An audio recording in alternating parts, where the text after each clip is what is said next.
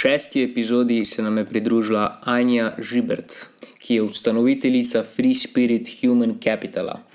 Ukvarja se s kariernim opolnemočenjem in kadrovskim marketingom. Je pa tudi Human Relations Tribe Leader v podjetju Exxon J. Anja ima zelo dober upogled v to, kaj podjetja sploh iščejo. In zelo lepo je povedala, kako si povečati možnost, da si atraktiven sploh za podjetje in kako prideti v tisto podjetje, ki si želiš. Pogovarjala sva se tudi o tem, kako si najti um, nekaj, kar te v bistvu sploh veseli. In ja, je zelo dobro to povedala, tako da je bil zanimiv pogovor in upam, da boste uživali. Anja, hvala ti, ker si si vzela čas in prišla na podcast. Jaz v bistvu že odkar nam je Maja pokonektala, spremljam tvoje poste na LinkedIn in se mi zdijo ful dobri. Tako da se veselim današnjega pogovora. Vem, da imaš ful velik zadat. Tako da bi te mogoče za začetku vprašal, oziroma ti dal prostor, da predstaviš, kaj v bistvu delaš. Čau, Amir. Uh, hvala ti za povabilo najprej. Uh, z veseljem sem se odzvala uh, tudi zato, ker pač je tole ena moja prva live izkušnja podcasta, tako da hvala. Um, ja, sem se, rekel, da sem se bala tega vprašanja, ampak ono, ko me vsakem kdo vpraša, veš, Anja, povej nekaj vseb. Smo velike zapovedati. uh, kje naj začnem? Evo, mm, kaj počnem? Ja. Uh, lej, par let nazaj sem bila tudi jaz v službi, ne, od 8 do 4, 5, 6, 7, 8 veš, in uh, več ur. Um, ampak potem prideš do neke točke, um, ko začneš, ja, v bistvu se zaveš, kaj je tvoje poslanstvo. No, in moje poslanstvo so bili vedno ljudje. In moje poslanstvo je bilo vedno, da vrnem nazaj, oziroma da jim pokažem, najprej valjda sama sebe, potem pa še ostalim, kakšna je naša prava vrednost. Um, in to se nekako najbolj odraža, oziroma mm, smo nekako vsi naučeni, da v zaposlitvenih procesih in tem odnosu delodajalec, kandidat, pač ni neke vrednosti, ne? zaradi tega, ker je kandidat vedno v podrejenem položaju, kadar se spravi iskati službo. Um, tako da, evo, to je recimo ena taka pot, no, uh, katero sem se jaz lotila. Um, in dejansko imam um, zdaj upravka na obeh straneh, se pravi, kot sem ti že malo prej razlagala, ne? in z tistimi, ki iščejo službo, se pravi, opolnomočenje um, iskalcev, oziroma jaz temu rečem uh, raziskovalcev zaposlitve. In pa um, podjetje, ne? se pravi, z kadroviki, z vodji, z pač HR-ovci v, v podjetjih. Tako da na obeh stranih, na obeh frontah delujem, pa, pa takrat, ko je pa nek meč, ne, oziroma prenašam informacije iz ene in z druge strani, včasih se pa to zgodi, ja, da se kakšen meč pač pojavi in jih potem še na konektama. Mm, torej, v bistvu uh, deluješ tako na strani teh, ki iščejo zaposlitev, in na strani podjetij. Ja. Um, in uh, s, s katero stranjo se mogoče bolj ukvarjaš trenutno? Ne bi mogla reči, s katero se bolj ukvarjam. Recimo, jaz imam izkušnje iz kadrovskih agencij. Uh -huh. In kadrovske agencije so po defaultu na strani podjetij. Pika. Ker pač uh -huh. kandidati ne, predstavljajo za njih po večini trgovsko blago, katero prodajo, zato da pač ne zaslužijo. Uh -huh. um, jaz sem se pa tega malo drugače lotila. No. Jaz pa dejansko verjamem, da. Um, tudi iskalci zaposlitve rabijo določene informacije, da lahko sploh ne se prav odločijo. Um, in uh, če niso eni in drugi opolnomočeni, ne, potem pač ne bo to nikoli neka avtentična verzija, ne, niti enih, niti drugih. Tako da jaz rečem, da na obeh straneh v bistvu delam, ne skoraj enako vredno. Zdaj, zadnje čase se nam, pač tudi zaradi LinkedIn-a, veliko uh, posameznikov name obrača uh, ki imam pač te stežne kariernega polnomočenja. Um, podjetja, ja, tudi, ampak mogoče še ne razumejo, čist pa pravzaprav počnem. No. Mm. Vsi me kličejo za to, Janja, da mi pomaga najti nekoga tam, tam, tam. Reka, lej, ne bom za jaz vas zaiskala. Pič, jaz nisem več headhunter mm -hmm. in ne bom več iskala kadra za vas. Lahko vam pokažem, lahko vas naučim loviti ribe pa ga vi sami poiščete. In seveda vam točno pač pokažem, kako pridete do tega in da vi sploh razumete, koga sploh rabite. No? Ker to je tudi po večini velik problem, ker podjetja se niti ne zavedajo, ne, um, kako je to pomembno razumeti. Mm. Torej, v bistvu imaš poštudirane sisteme in za podjetja, kako dobiti čim boljši kader, ja.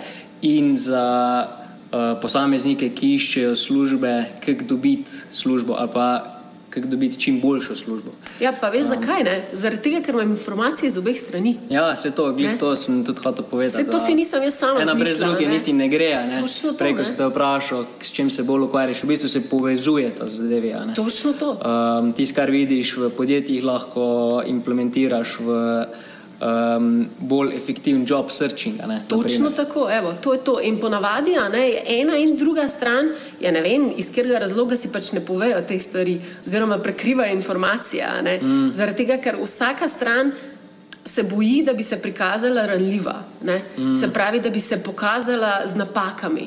Ampak, no, sej. No, um, me fulj veseli, eh, da bomo danes obdelali tole temo um, in bi se osredotočil kar na to, kako dobiti čim boljši uh, job, uh -huh. oziroma kako bi tisti, ki iščejo službo, mogli gledati na to. Um, pa bi mogoče začel na. na Uh, z te strani bi mogoče šel, da, da bi te vprašal, kako si posameznik sploh kaj bi sploh posameznik mogel iskati, oziroma kaj bi mu moglo biti pomembno v službi, kak se, na kak način bi se lotil tega. Okay. Uh, dobro, recimo obstajata različni profili, oziroma različni ljudje obstajajo, ki imajo mhm. seveda nekakšne različne želje. Eni imajo že izkušnje in na podlagi teh preteklih izkušenj potem nekako ne iščejo neke prihodne priložnosti. Pol imaš študente, ki zaključijo ne, neko izobraževanje in so pripravljeni zdaj pa vstopiti na trg. Ja, mhm. čeprav tukaj lahko seveda pol še malo več poveva. Uh, Máš pa potem tudi tiste, ki so popolnoma zgubljeni. Veš, zaradi tega, ker nek, nekdo je nekaj pač počel 20 let in zdaj ima pa kar naenkrat željo, da pa to ne bi več, da bi pa šel v neko drugo smer. Ne? In to so, to so v bistvu full dileme, ki pač se dogajajo v samem človeku. In um, jaz bom tako rekla, no, um, recimo, glede na to, da sem sama šla čez različne situacije. Tudi jaz sem bila študent, ki sem iskala prvo službo. Uh, sem šla v tujino živeti, sem prišla domov, pa sem veš, tudi iskala službo iz nule. Dobila sem odpoved, dobila sem odpoved iz poslovnih razlogov, sama sem dala odpoved, um, bila sem na sociali, bila sem, bila sem na vem, zavodu za poslovanje. You name it. Vse možne situacije. Tako da um, jaz bi tle največ poudarila to. No. Uh, uh, za mlade iskalce, predvsem. Uh, nekako smo naučeni, oziroma sploh ne vem, odkot je prišla ta informacija, da ti iščeš službo, ne, prvo službo, da ti moraš začeti na, pač na dnu. Na dnu. In to je, mislim, pa, in seveda, ne vem, govorimo o minimalcu, in to, mislim, to mene kar zmrazi. Zaradi tega, ker. Veš, mi imamo pač v Sloveniji tudi to študentsko delo, ne, pa ne vem, cel kup pač nekih izkušenj. Ampak poglej, Predstavljaj si ti nekoga, ne, ne vem, fant, punca, kakorkoli, um, ki polet dela v nekem lokalu. Ne?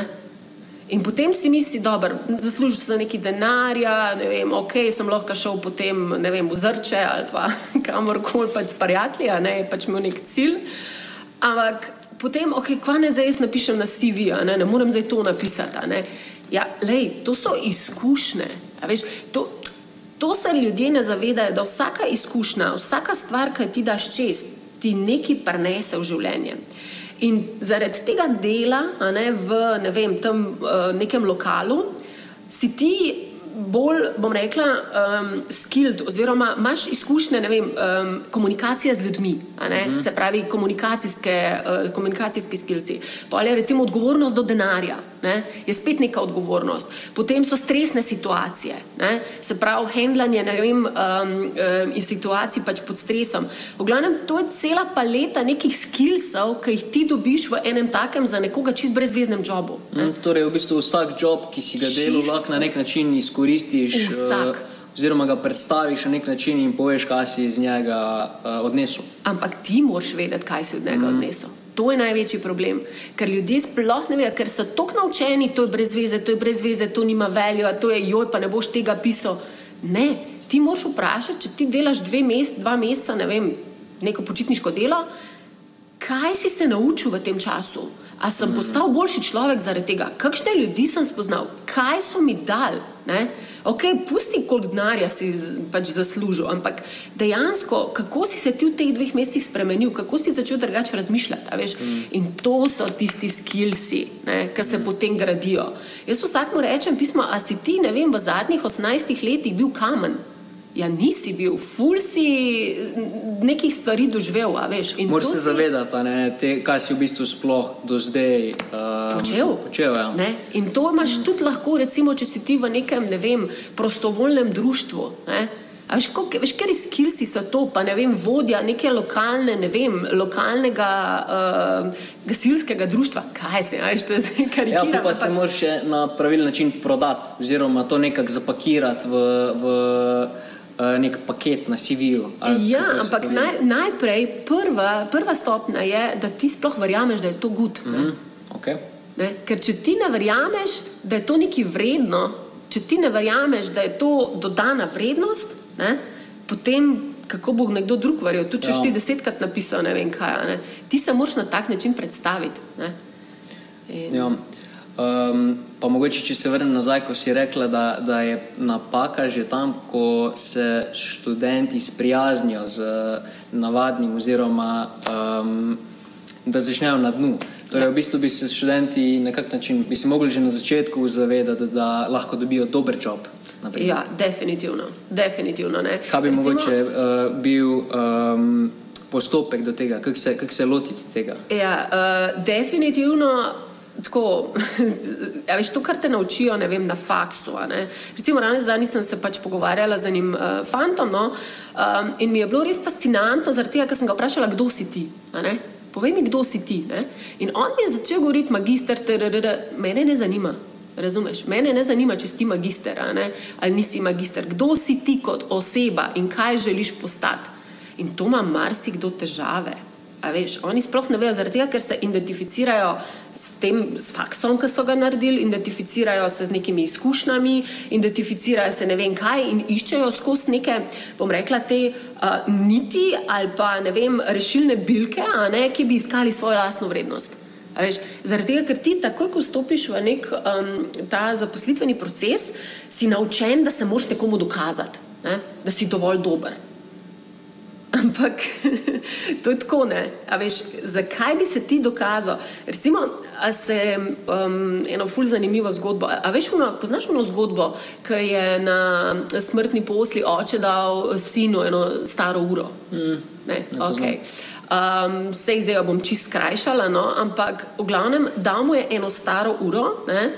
Um, in potem je valjda sin rekel, ne, to je pač čist useless, ne kaj naj stoji. Je šel v neko zastavljalnico, ne vem kaj, in so mu dali pač neko čist nizko ponudbo. Pol je šel še enemu, ta tretjemu, ne vem, v glavnem. Nič ni bila vredna in si je mislil, joj, kaj, kaj je meni oče dal, ne, uh, pač neko čist brez, uh, brezvezno stvar, um, ker sem pač mislila, ne, da, da mi bo kaj vrednega dal. No, ampak na koncu je pa prišel do ne vem, muzeja ali ne, nekega zbiratelja.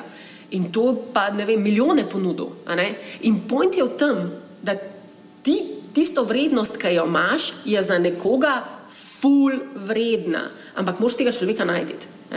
Zdaj, če ti iskal oziroma skušal se dokazati nekmu napačnemu delodajalcu, ki itak ne bo videl ne, tvoje prave vrednosti, ki pa ti verjameš, da si, potem to je čist short term. Ali pa mislim, tle, tle sploh ni. Um, ni priporočljivo, no, da, se, da se v bistvu prilagajaš in da se temu potem uh, podrejaš. Ful dobr primer. Torej, dejansko nekdo z nekimi skilzi, ki se v nekem podjetju počuti useless. Ja. Um, je mogoče samo na napačnem mestu. Točno tako. To, to, je point, to je point.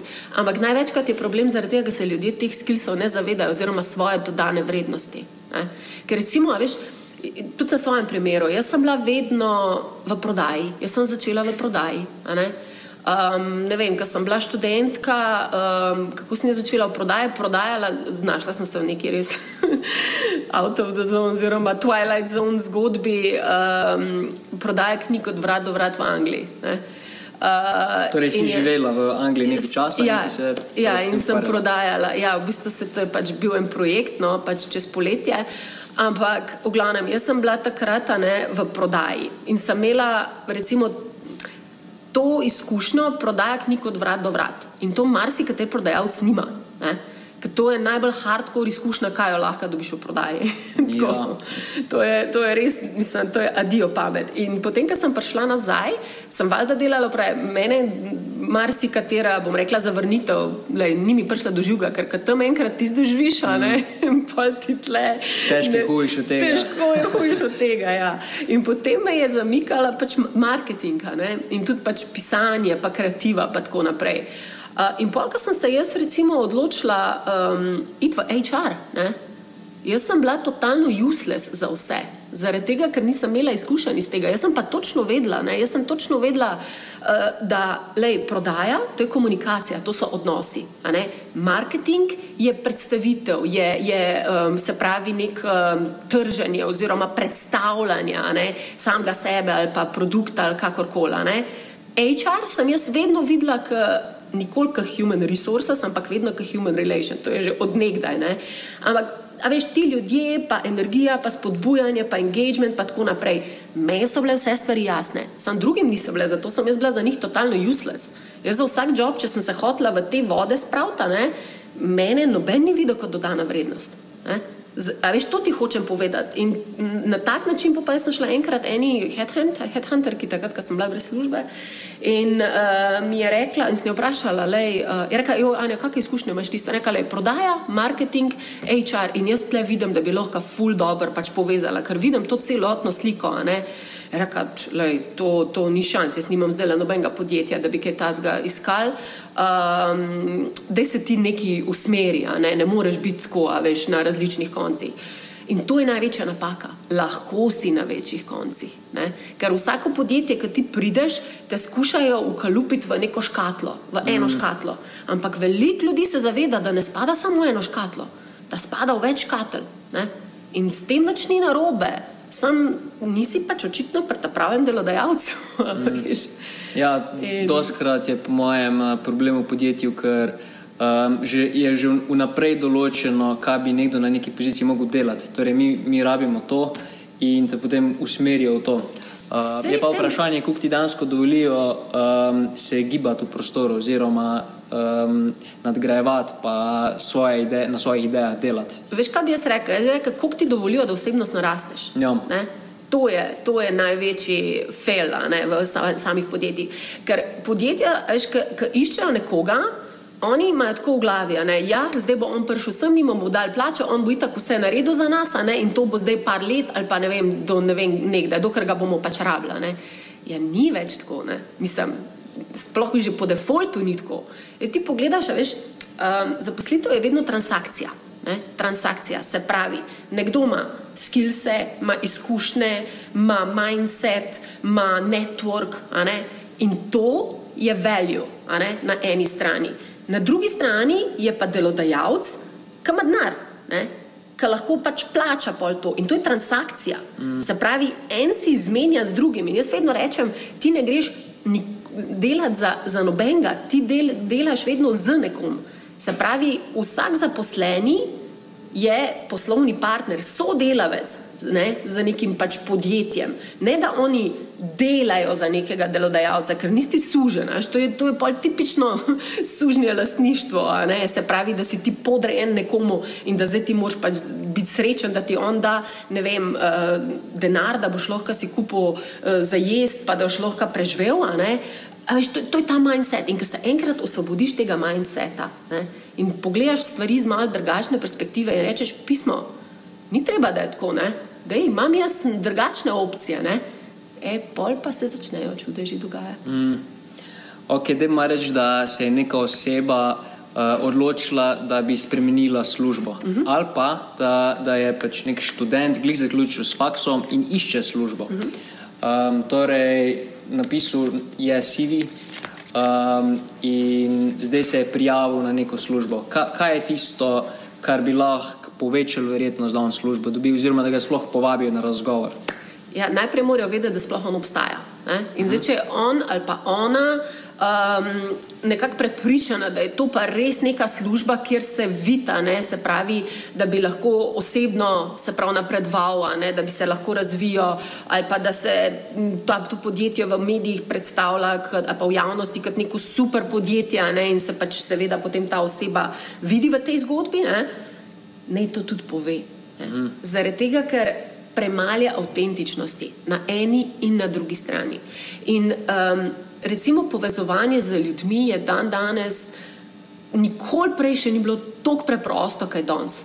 Imáš LinkedIn, imaš ostala socialna omrežja, imaš, dobro, zdaj mogoče v tem času, ne, v zadnjih dveh letih, malo manj, ampak so različni eventi, ki se dejansko ljudje potem tam spoznajo.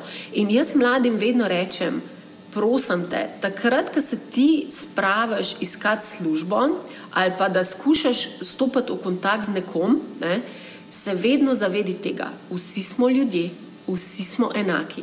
Če imaš ti na drugi strani, lej, ali je to direktor milijonskega podjetja, je to človek, ki se zjutraj zbudi, si umije zobe, skuha kavo, gre na vrc, gre na sprehod s psom, to je navadni človek. Ne? In dobro, takrat pride v podjetje, pa prevzame neko vlogo, pa je ne vem, direktor nekega milijonskega podjetja. Ampak ljudje imajo, še posebej mladi, ne, se avtomatsko postavijo v nek podrejen položaj. In ono, joj, pa zakaj um, ne bom zdaj jaz njega kontaktiral, kaj si bo pa mislil, kaj bo. Ne, kaj, mm, da se prav manj vredne počutijo. Tako, To je ta manj vrednost, da mm. I'm not good enough. Ja, nikoli ne boš vedel, če ne boš probo.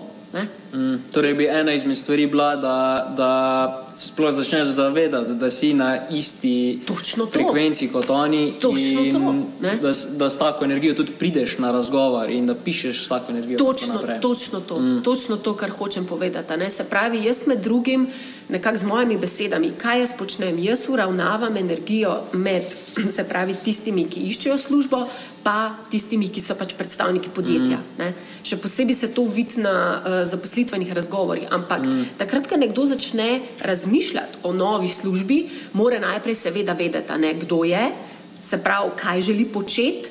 Pa kaj recimo želi postati, oziroma kje smerno. Zdaj, največji fail je res, ki mi rečejo, joj, sem poslal sto prošen, pa nisem dobil nobenega odgovora. Ok, zakaj si pa poslal sto prošen? A ti res misliš, mislim, ti res misliš da spadaš na sto različnih pozicij? Mm. Tako, torej, lotu se je te stvari čisi napačno. Verjetno je eno, eno prošlje napisal in je razstalo po vseh razpisih. Sploh se ni vprašal, kaj bi dejansko želel delati, kje se vidi. Uh, in, da se potrudi, naprimer, da prilagodi CV za to službo in tako naprej. Ne? Ja, ampak jaz mislim, da to kaj, um, ne zna drugače. Ker dokler človek je naučen na nek način funkcionirati, dokler mu nekdo ne pove, da je lahko tudi drugače. Uh mhm. -huh. Bomo na tak način funkcionirali. Ne? In tukaj ni neki za zameriti, ali pa da je pa to zdaj čista katastrofa ali pa da je zdaj to napako naredil nekdo. Ne, ker ne zna v tistem trenutku je naredil to, kar je pač vedel, to, kar je znal, to, kar so pač ga naučili. Ampak jaz sem pa tle zato, da pokažem, da lahko še tudi na malo drugačen način se stvari lotaš. In še, mislim, to mi je fulj zanimivo, veš, ta marketinški mindset, kot sem ti prej rekla, marketing je vse, marketing je life. In če bi se recimo mladi tudi zavedali, kako lahko z enimi takimi preprostimi koraki, vem, da se loti job searcha, ne, se pravi, pač, um, kot neke marketinške kampanje. Ne. Se pravi, targetiraš, ne, koga pravzaprav hočeš kontaktirati, imaš vsa možna orodja, na kak način lahko se pravi, od LinkedIn-a, ne vem, maila, eventi, kakorkoli. Ampak point je, da ti moraš v bistvu verjeti, kdo si, biti seveda pač v, nekim, v neki energiji, ne, um, ki si jo pripravljen predati naprej. Ker če ti fejkaš, se bo prej, kasneje to videl, še posebej nekdo, ki dejansko ima neke izkušnje, ne, pa je že ogromno enih ljudi uh, imel v takih drugačnih situacijah pred sabo.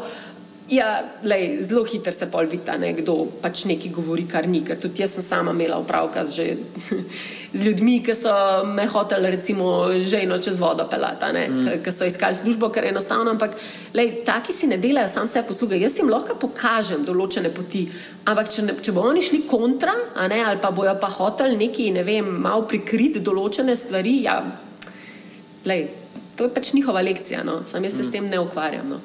Um, Je pa tako, da jaz verjamem, da je za čist vsakega, ki išče službo, čist vsakega, je priložnost. Mm. Čist vsakega. In to, da ni um, kadrov, um, to ni v bistvu čist resno, ampak dejansko, kot si prej rekel, sam na pravih mestih niso če bi se v Sloveniji, veš, malo prevekslali oziroma uh, premešali ne, ljudje na določenih, uh, v določenih podjetjih, na določenih pozicijah, da bi se upoštevali ti transferable skills, ne, prenosljive sposobnosti, to bi bila čisto drugačna slika. Ne. In še posebej, če bi človeka vprašal, kaj pa ti pravzaprav želi, želiš početi. Mm.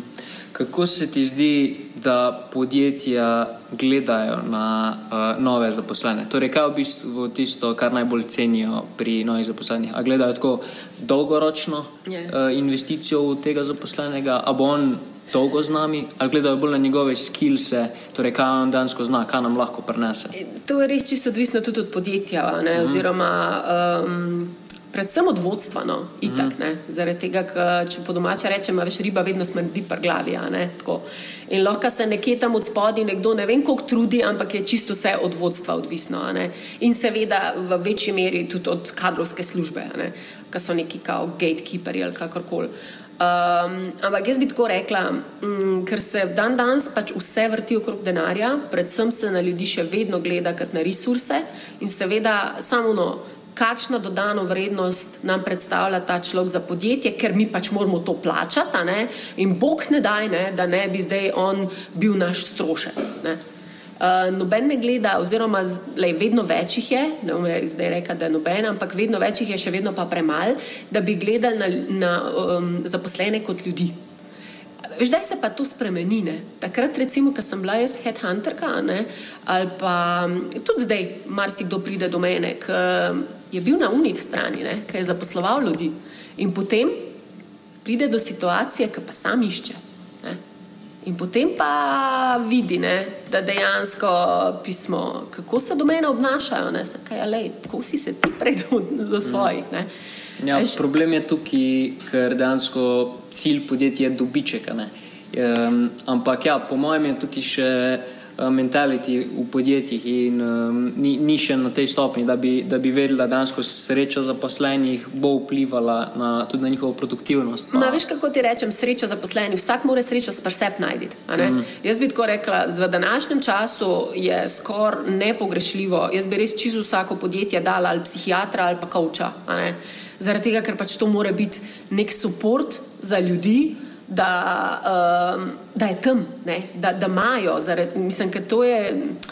To je zdaj cel kaos nastal, no? še posebej v zadnjih letih. Ne? In podjetja, um, recimo, ki so v času korone še bolj privijala, še bolj mikromanagirala, uh, še bolj ono, joj, da ne bo izguba, da jim je še bolj stisnjeno, še bolj mm. stisnjeno uh, so zdaj le kar kratko potegnili. No? Zaradi tega, ker ljudje se prebujajo v narekovajih. Um, prioritete so se malo drugače postavile v njihovih življenjih ne? in uh, služba ni več na prvem mestu. Mm. Torej, v bistvu dolgoročno jim škodi to, ko hočejo izvleči iz ljudi čim več. Se glede, da, mislim, se to je čisto samoumevno, mm. to, to je bilo zdaj retorično vprašanje. Ampak, lej, sej tle um, nekega svetovnega reda v današnjem podkastu ne bova glih spremenila, ne? Ja. ampak ja. lahko se pa v bistvu osredotočimo res na vsakega posameznika. Um, in dejansko samo predava mesič, da je lahko drugače. Mm. Lahko je drugače. In kot sem prej omenila, tisto zgodbo z uro. Ne? Se pravi, vsak posameznik se mora zavedati svoje vrednosti in pol tudi najti nekoga. Ker če v enem podjetju je popolnoma se useless počuti in je popolnoma brez vrednosti in ga gledajo ne vem, ne, nekega vesolca, ne? bo v nekem drugem okolju totalni car. Ne? Mm. In, in, bo, in je to točno mogoče ta fit, ki so ga vedno iskali. Ne? Ampak če se on ne bo znal na tak način pokazati, če sam ne verjame, da nekaj zna, da je nekaj dober, da ne vem, lahko nekaj dodane vrednosti, kako bo pol nekdo drug na drugi strani to verjel. Mm.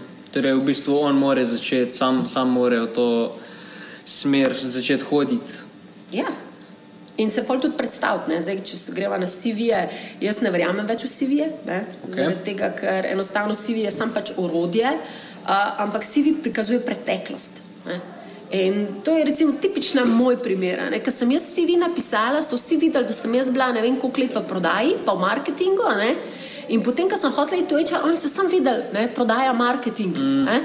In potem ono so že tako imeli zaključke v glavi, da ta nima pojma v HR-u.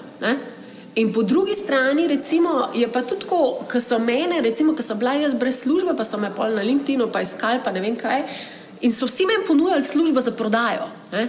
Čeprav sem to jaz delala ne vem koliko časa nazaj in bolj, ko sem jim govorila, da jaz ne želim več tega početi, bolje je bilo, več je bilo nekih priložnosti z področja prodaje. Veš, sploh se ne poslušajo drug drugega. Če bi se usedeli za mizo, pa bi rekli, da mi imamo to, pa to, pa to, tle nismo neki najboljši, ampak bi nam recimo, ne vem, še manjkalo nekaj do tega, trr, ne, uh, pa vidimo, da bi vem, bil ti dodana vrednost. Na drugi strani bi on rekel, ja, jaz lahko to pa to tle tudi ne znam, ne, ampak če lahko, mogoče se pa v tvojem podjetju naučim, veš, ta avtentičnost. Mm. Pa da je pokaž, da nisi perfekt, ampak da smo vsi pač ljudje, vsi se razvijamo tudi tisti direktor ali pa HR-ovc, ki na drugi strani mize sedi, ni perfekta. Mm. In to je pač tega se treba zavedati. No. Kako pa je mogoče, da prej si delala v marketingu, pa prodaji, uh -huh. uh, in ko si se predstavljala v HR vode, na kak način Ali ti je bilo težko takrat dobiti službo v HR-u, glede na to, da nisi imela full izkušenj s tem? Ja, takrat sem šla v bistvu v kadrovsko agencijo, ampak v kadrovski agenciji, v headhuntingu, to je itek sales. Tam so pač mm, nekako okay. najbolj, najbolj uh, cenjeni skills iz področja prodaje. Ne? Um, dobro, si sem imela potem razgovore in to, ampak tudi jaz sem to čist nek svoj sistem si tam naredila. Tako da um, na nek način, ne bom rekla, da mi je bilo težko. Um, na nek način, recimo, sem pač videla fulene, kako rečem, manevrskega prostora za izboljšanje. Ne? Ker na to, kar je pač obstajalo in to, kar sem jaz dobila v roke, jaz sem vedno tak človek, veš, vidim. Ful večjo sliko, oziroma vidim potencial, ki bi se še dal kaj optimizirati. Ne? Ampak tako, ne samo za mene, dobro, ampak za vse. Mm. In večinoma podjetja so fully zadržana do teh optimizacij, zaradi tega, ker to pomeni, ne, da je to nek njihov, a veš, mesec za njih.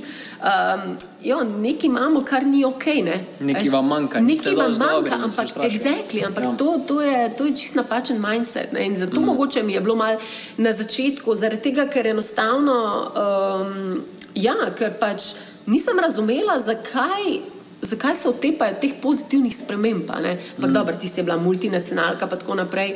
Imela sem pa fenomenalno šefico, oh, to pa Ksenija, če zdaj le poslušaš, res uh, svaka ti čast, ti si velik razlog, uh, da sem jaz v bistvu danes to, kar sem. No, tako da ja, to pa je. Um, velik, velik plus. No. In tudi ljudi, ki sem jih tam spoznala, so definitivno prispevali k tej Ani, ki sem danes. Mm. Um, ja, zanimivo se mi zdi, ker si tako dost zamenjala uh, področje, na, katere, na katerem delaš. Ja, pa to uh, pomeni, in, da je možno. Ja, vse to. In uh, če je tebi uspel, uh, lahko tudi naprimer, nek, nek, nekdo od poslušalcev dela na neki poziciji, ki mu mogoče ne sedi najbolj. In sem mogoče hotel povezati, da uh, na kak način bi lahko čisto spremenil, torej se vključil v neko novo stvar, s katero nima neki fully izkušen. Um, Torej, naprimer, nekdo dela v, kot eh, UX designer, rad bi pa bil, um, rad, bi, rad bi pa delal v trženju ali kaj takega. In na kak način bi se lahko polon um, predstavil, oziroma kako bi dobil službo, če nima neki fully izkušnji s tem? Uh, na tak način, da slika prihodnost. Uh mhm. -huh. Da se nauči slikati prihodnost. Se pravi, če on verjame, da nekaj zna, da nekaj obvlada, da je lahko v okviru nekega podjetja neka dodana vrednost in naj to na tak način tudi pokaže. Ne. Zdaj, ali se z nekom pogovarja, ali to napiše, ne vem, v spremno pismo, kakorkoli. Ampak recimo en primer ti bom dala. No. Um, zato jaz nisem pristaš CV-jo, no, zaradi tega, ker pač tako, kot si rekel, ne, bi bilo, ne vem, deset let delaš v UX, ne, dizajner in potem bi pa neki drugega rad. Le, to je tvoja pravica, da se ti odločiš, kaj tebe osrečuje. Um, ker če si ti imel tam, ne vem, si šel, veš, več je takih primerov. Priješ neko podjetje in imaš vse podpor za nek uh, razvoj, ne vem kaj, in potem si vsi mislijo, da si na glavo padel, ker pač hočeš iti stran od tega, pa hočeš nekaj drugega. Ne? Ampak to je tvoja pravica. In jaz vedno rečem, da dej probuj tok časa stvari, ki ne vem, jih ne čutiš, ne, ali pa niso ok, da boš potem prišel do tistega, kar ti je ok. Mm. Torej, dejansko obstaja uh, neka uh, stvar za vsakega posameznika, Vsake. v kateri bo živel in ob tem služil denar. Tako, definitivno. definitivno. Zaradi tega, ker mi smo prišli na zemljo, oziroma vsak je bil rojen s tem. Ne? Vsak je bil rojen z enim, pa ne samo enim, ogromno nekimi skilsi, pa sposobnostmi in tako naprej. Zdaj, na kak način boš ti to v bistvu um, materializiral, se pravi, ali je to. Veš, vsi mislijo, da moram, pol, če hočem pač nekaj narediti, moram imeti kar svoje podjetje odpreti. Ja, ni res, ni res. Ta mindset, da mora kar zdaj vsak svoje podjetje odpreti, to, to ni res. Zaradi tega, ker lahko ti v okviru nekega ali je pa to podjetje, ali je to vem, ekipa, kakorkoli, lahko ti uresničuješ tudi svoje poslanstvo. Ne?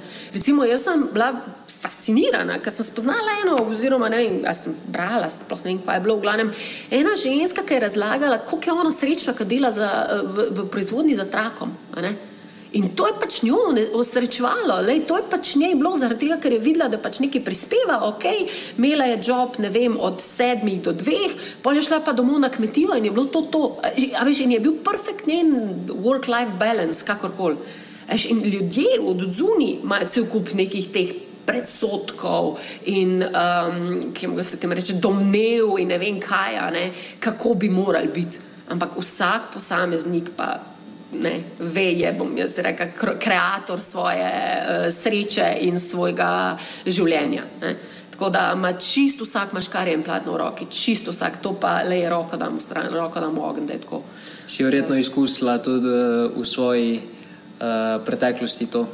O ja, večkrat. Ampak ne samo to, veliko ljudi prihaja tudi do mene, a veš, mm. kaj mi tudi kaže to. In recimo. Um, Zakaj si mogoče uh, pripričana v to, da si lahko um, vsak skroji uh, srečo? Um, okay. um, zdaj ne vem, verjetno je čist prekratek tale podcast, da bi šla v neke podrobnosti, ampak mm -hmm. ne ti bom sam pokazala. Um, vem, da je eno izmed vprašanj, ki sem jih naprej poslal. Ja, kaj, uh, kjera knjiga ne, mm -hmm. bi pač predlagala. Vsi ki se tako lepo pogovarjamo, vsi berejo neke poslovne knjige. Ne? Mm. Pa ne vem, kaj. Ja, spoštujem vse. Jaz tako, jaz ne morem. Ne vem, če obstaja ena poslovna knjiga, ki bi jo jaz prebrala od začetka do konca. Ker enostavno poberem ven stvari, ki pač se lahko poistovetim z njimi. Drugač po defaultu se mi pa zdi vse enako. Sam na malo drugačen način je napisano. Ne? Uh, jaz pač verjamem, jaz imam eno smer, ne, verjamem pač, uh, da v poslovnem svetu pač mora vladati integriteta, ne verjamem recimo v konkurenco, ne, v verja, verjamem v sodelovanje in to, te so stvari, recimo, in potem, ko berem vem, ljud, eh, ljudi, ki na podoben način razmišljajo, uh, potem dejansko vidim, da je več ali manj vse enako in super, respekt, ne? sam pa če snimam cajt na vem, 20 knjig, brat, recimo na mesec. Um, sem se pa ful poglobila ja, v, um, v enega avtorja in sicer Joe Dispensa. No. Meni je on, on mi je pa res car. In ko sem začela v bistvu tudi uh, delati na sebi, um, in so, seveda sem tudi se začela malo poglabljati v te vsebine, um, kaj dejansko je človek sposoben. In kaj smo, veš, kaj on je tudi zagovornik te epigenetike, um, se pravi, da lahko v bistvu za svojimi mislimi spremenjamo gene. Mm -hmm. In... Popravim me, če sem ti, ampak se mi zdi, da je Joe Dispenza v bistvu um, imel neko hudo poškodbo je v bistvu, ko sem začel ukvarjati s temi zadevami, je imel neko poškodbo hrbtenice ali nekaj takega in se ni mogel premikati, in potem je z močjo misli se oz, samo ozdravo. Jaz imam drugače dve knjigi od njega. Ja. Uh, se sniž, neki sem pač te um, audio knjige ne, preposlušala, ampak ena je, mislim, da je odvadite se to. Um, kar ste bili ali nekaj takega mm -hmm. no, um, v preteklosti, ena je pa ta postanite brezmejni. Se pravi, mm -hmm. kako običajni ljudje počnejo neobičajne stvari. Ne? In tle, recimo, je tudi on na tak zelo, zelo preprost način. To so, to, so, to so znanstvene raziskave, veš, to, ni, to ni neki, ne vem, uh, voodoo ali pa ne vem, da si nekdo predstavlja, da je pa to nek čira čara. Ne? Ampak to so znanstvene raziskave in dejansko so znanstvene raziskave pokazale, um, kvantna realnost. No. To, to, to obstaja. Ne. In Joe recimo razlaga, da vsak ne, živi, mi pač živimo v različnih realnostih, ampak point je, ne, da ti se odločiš na podlagi svojega mindseta, kakšno realnost si boš ustvaril. Ne. In potem, ko dejansko, če se ti zjutraj zbudiš, a veš, pa si slabe vole, ne, Ja, lej, se bo to samo stopnjevalo. Ne? In če pa ti, recimo, malo drugače pogledaš uh, na, vem, na, na dan, ki se zbudiš, ali sonce sije, ali dež, ali kakorkoli, pa da ne pustiš, da neke zunanje zadeve vplivajo na tebe, boš pa vse en srečen in boš tudi efektiven. Zato je tudi ta vem, sreča na delovnem mestu, kakorkoli, zaradi tega, ker vsi mislijo, da če si srečen, da boš več naredil, ja, ja, ampak lahko delodajalci ne vem, kva ponudijo. To bo samo kratkoročno, človek mora biti presepa, ne more imeti stvari razpucane. Uh, no, zakaj je v bistvu ustvarjalec? Um, jaz za, za, um, recimo za službo. Um, Marsikdo si misli, joj. Um, Recimo, pošle pač prijavo in ne dobi odgovora, in si misli, joj, nisem dovolj dober. Um, ali pa ne vem, oni so tako nesramni. Veš, v glavnem, cel kup je enih paleta nekih čudnih občutkov, takrat, ko ti nekaj pošleš, pa ne dobiš odgovora, ali pa ne vem, da ne dobiš službe, ki si jo želiš in tako naprej. Ampak, če se ti postaviš v energijo, ki verjameš v sebe, ne glede na to, kaj ti drugi govorijo, plus tega, da se še opolnomočiš s pravimi informacijami, se pravi to, da HR-ovc ali pa porabi 5 do 7 sekund samo, da prebere tvoj CV ne, in je od tebe odvisno, kaj boš ti tam gor napisal, da bo v tistih petih sekundah, ne nek klik v, v glavi. Ali pa recimo, da boš vedel, na kak način um, pač funkcionirajo stvari v podjetju, ne, ker ti takrat, ko ti nekaj napišeš ali pa ustvariš neko sliko ne, ali pa daš naprej neko informacijo o sebi, ima vsak na drugi strani priložnost, da si ustvari neke svoje slike o tebi. In na tebi je v bistvu, da ti eliminiraš vse možne scenarije, ki bi lahko oni rekli, joj. Tam le je trikrat zamenjal službo, to pomeni, da je nezanesljiv. Ne? Veš, ali pa, eh, joj, tukaj si je vzel en let, pa pol freja, ne? to pomeni, da je pač len, ali pa ne vem, imel je burnout, pa je čustveno nestabilen. Veš. To so take domneve, ki si nekdo, ki dobi CV v roke, kaj ta zga piše, ne? recimo, uh, si ustvari. Ampak na vsakem posamezniku je, da se zaveda, da on neki je. Ne, in če je recimo v tistem enem letu vem, pomagal staršem, ne, enem letu pa pol, vem, zaradi bolezni, tri službe je zamenjal, zaradi tega, ker pač je bilo toksično okolje, zaradi tega, ker enostavno so ga pripeljali do konca in je pač postavil meje. Veš, tega pa nihče ne ve. Ne. In mi imamo v roki tisto moč, da, da, da se postavimo kot neka stabilna osebnost, da nas pa drugi tudi vidijo. No. Mm. Torej, nasplošno ta osebnostni razvoj, uh, branje knjig um, in nabiranje novih informacij ti lahko ful spremenijo kariero in nasploh to vrednost v podjetjih. Uh, jaz mislim, da ključ je samozavedanje. Ko boš ti začel z svojo stopnjo samozavedanja višati, boš tudi začel okrog sebe kreirati priložnosti, tudi karierne, ki bojo sopadale z, to, z tem nivojem samozavedanja oziroma frekvenco, vibracijo. To jaz močno, močno verjamem ker sem videla iz prve roke sama ne, in tudi uh, ljudi, ki, recimo, ki pridejo na karjerno polnomočenje, ki me potem kličejo. Joj, vem, prej niso dobili ne, nič, nobene priložnosti, nobenega odgovora, pa pa kar v dveh dneh, a veš, določene stvari, ki smo rekli, kva naj naredi. Ampak se pravi, če si ti pošten do samega sebe, ne, um, pa si avtentičen. pol je to ok, ne? mislim, pol bo definitivno funkcioniralo. Če pa nisi, če pa hočeš kaj skrita, ne, pa, pa še vse en fejkaš malo, samo zato, da bi bil všečen, ja, pol boš pa vedno dobil na drugi strani, a veš, ene take priložnosti, ki te bojo mogli še nekaj naučiti. No. Mm. Omenila si, da, da se ti zdi, oziroma da je samo zavedanje uh, najbolj pomembna stvar. Ja. Pa bi mogoče tukaj te vprašal, um, kaj, kaj misliš s tem? Oziroma, kaj, kaj bi pomenilo? Self-awareness. Ja. To je v bistvu, da se ti zavedaš, da se ti zavedaš do sino. Mm. Ne bomo zdaj šla čist preveč v te spiritualne vode, mm. ne, ampak dejansko, da se ti zavedaš, kakšne so tvoje pravice, da se ti zavedaš, kaj, lahko, kaj si sploh sposoben. Um, da ti veš, kdo si in da imaš možnost, ne, da se odločiš, tudi če ti cel svet govori drugače, tudi če ti mm. cel svet govori, da se motiš ti sam sebe poslušaj. To je ta gut feeling oziroma mm. intuicija, kakorkoli. In to, kar veliko ljudi pač ignorira. No. No. Um, in bolj, ko se enkrat začneš malo s tem ukvarjati, um, ko se začneš na glas o tem pogovarjati, um, ja, potem se kar čudežno prikažejo neke priložnosti oziroma oglasi, ki mm. ti lahko marsikaj prenesejo v life. In se da vse lepo zapakirati v en paket. Ja, seveda, z, tukaj je pa tudi, seveda, fajn vedeti, ne, nekaj, kaj napisati. Pa da ne vem, sivi ne začneš, uh, ali pa da ga ne napišeš na petih straneh. Mm. Pa da ne vem, najprej, kot sem rekel, od 5 do 7 sekund ima vsak HR-ovc, recimo si vzame cajt, da prebere sivi, ne, da boš ti na začetku pač napisal nek pič, ne, ne čist na koncu. Aj, to so taki trikci no, in tukaj mm. recimo tudi pomagam. No.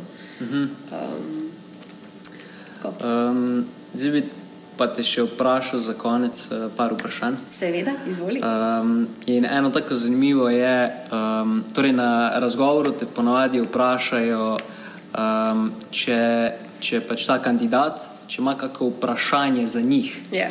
In kaj bi bilo mogoče tako uh, smiselno vprašati? Ja, vidiš, to je fully zanimivo, ne? zaradi tega, ker marsikdo, se tudi sama sem bila v taki situaciji.